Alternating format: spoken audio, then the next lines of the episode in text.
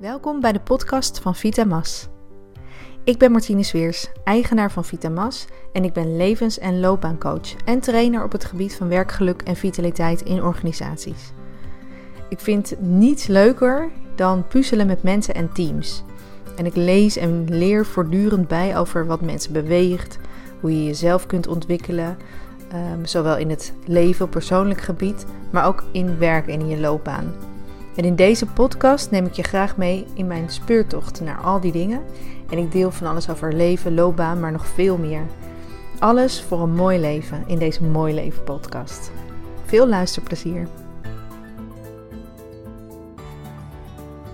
Podcast 32. Geboorte, dood en alles daarbinnen en buiten. Ik had laatst een leuk gesprek en uiteindelijk kwamen we erop dat geboren worden en doodgaan eigenlijk heel erg op elkaar lijken. Misschien zelfs wel hetzelfde zijn. En dat dat tegelijkertijd eigenlijk een soort onbestemd gevoel, kan geven. Want als die twee hetzelfde zijn, dan is opeens alles mogelijk en alles onzeker. Ik leg het je uit in deze podcast over leven, dood en alles daarbinnen en buiten. En ik waarschuw je alvast, het kan heel goed zijn dat deze podcast helemaal niks voor je is en dat je halverwege afhaakt. Dat is helemaal goed.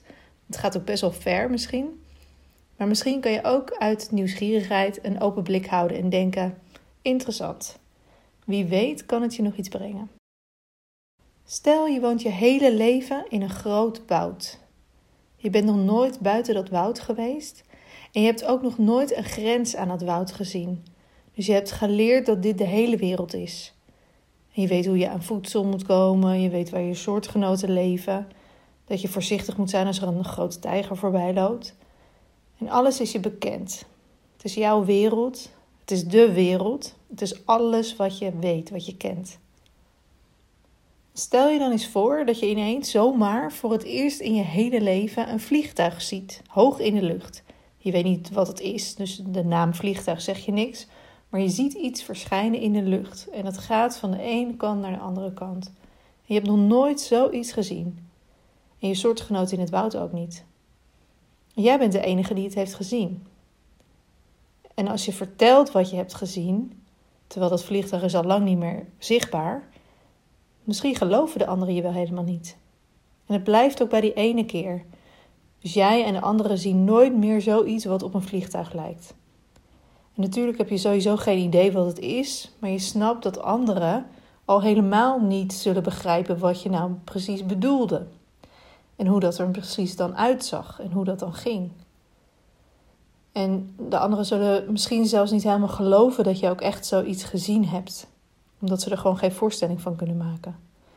En uiteindelijk begin je misschien zelfs ook zelf wel een beetje te twijfelen aan datgene wat je hebt gezien. In ieder geval ga je gewoon maar weer door met je leven zoals je dat kent. Zeker als het daarna nooit meer gebeurt. Nou, dit, dit verhaal, dit idee is eigenlijk een variant op een, een wat bekender verhaal over de mensen in de grot. Misschien heb je dat wel eens een keer gehoord.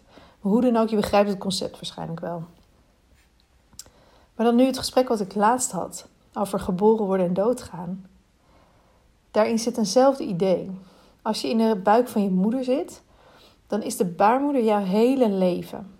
Je kan soms wat donker en wat licht registreren zodra je ogen zo ver zijn.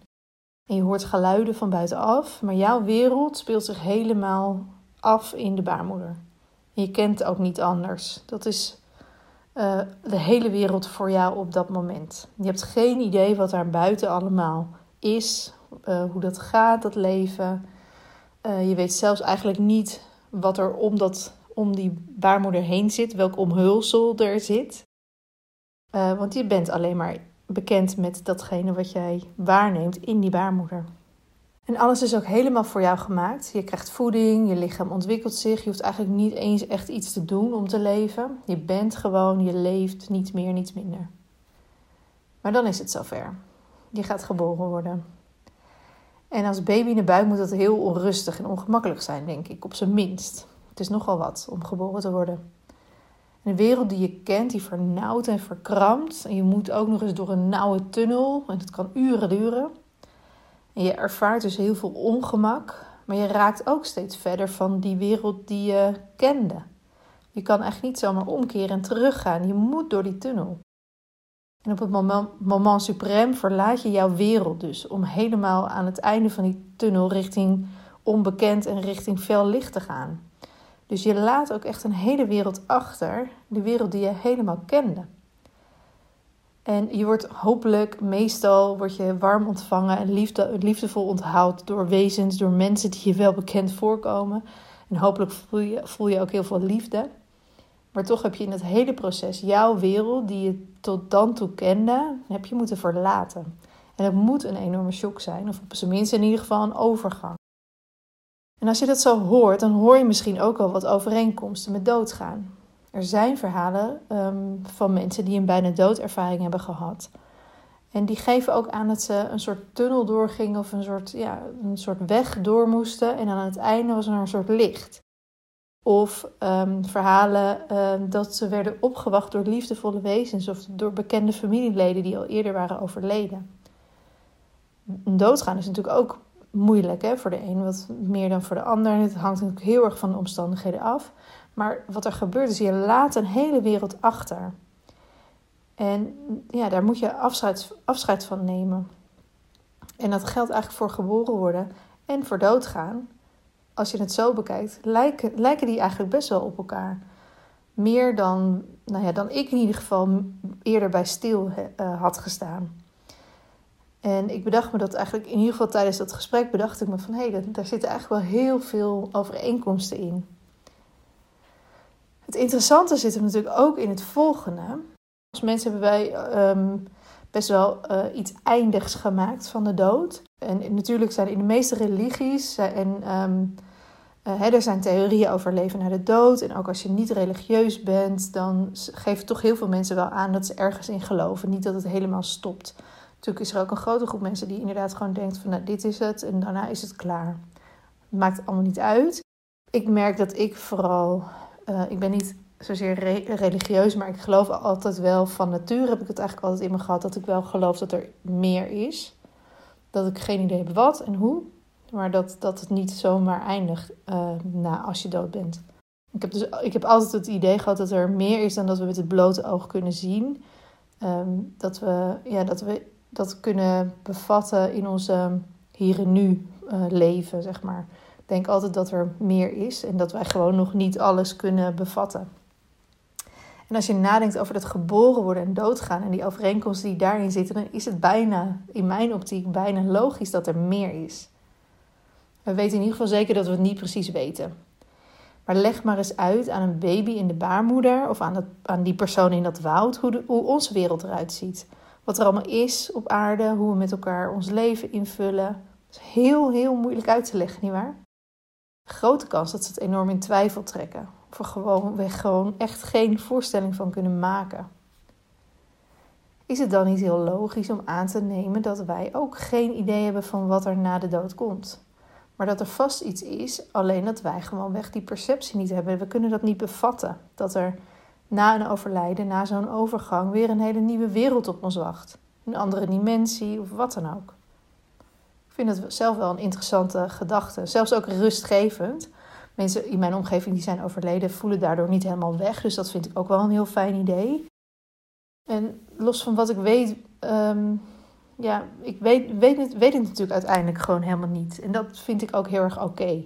Ik heb een vermoeden, omdat ik gewoon ja, ik denk eigenlijk dat het vooral onlogisch is dat dit het enige is dat er is. Maar ik vind het ook helemaal prima dat ik het gewoon echt niet weet. Het kan natuurlijk ook een heel onbestendig gevoel geven, hè? dit idee. Uh, doodgaan en geboren worden, dat lijkt op elkaar, of is misschien zelfs wel hetzelfde. Als dat idee waar zou zijn, dan is eigenlijk alles mogelijk. Daar kan je ook een beetje onrustig van worden. Uh, en misschien zijn er ook heel veel luisteraars in deze podcast al lang afgehaakt, want het is natuurlijk best wel een beetje buiten, uh, buiten de gebaande paden denken. Maar als je er nu nog bij bent, dan is het in ieder geval gelukt om buiten die lijntjes te denken. En mocht je nou een onbestendig gevoel ervan krijgen, van deze hele theorie, dat kan heel goed. En als dit allemaal waar is, dan is het namelijk echt zo dat bijna alles mogelijk is. Een andere tijdbeleving misschien zelfs, andere levensvormen een oneindigheid aan levens en wezens waarin je verandert. Je weet het natuurlijk niet. Maar het mooie is, je hoeft er natuurlijk ook helemaal niets mee. Het verandert in zoverre niet zo gek veel aan je leven nu. En ik denk zelf dat het je leven ook lichter kan maken. Ik denk bijvoorbeeld zelf dat, uh, omdat ik er nu wel, ja, ik sta hier wel voor open, dat ik ook wat minder zwaar aan dingen til.